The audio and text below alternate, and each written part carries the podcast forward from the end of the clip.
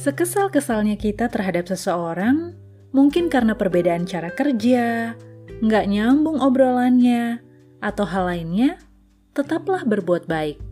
Sebab suatu kelak bisa jadi orang lain itu yang justru akan menolong kita terhadap hal yang kita tidak mengerti atau mengasah skill yang kurang dalam diri kita.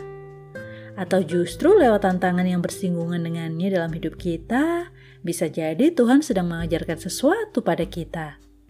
Untuk lebih sabar mungkin, lebih telaten, lebih teliti, dan lain sebagainya.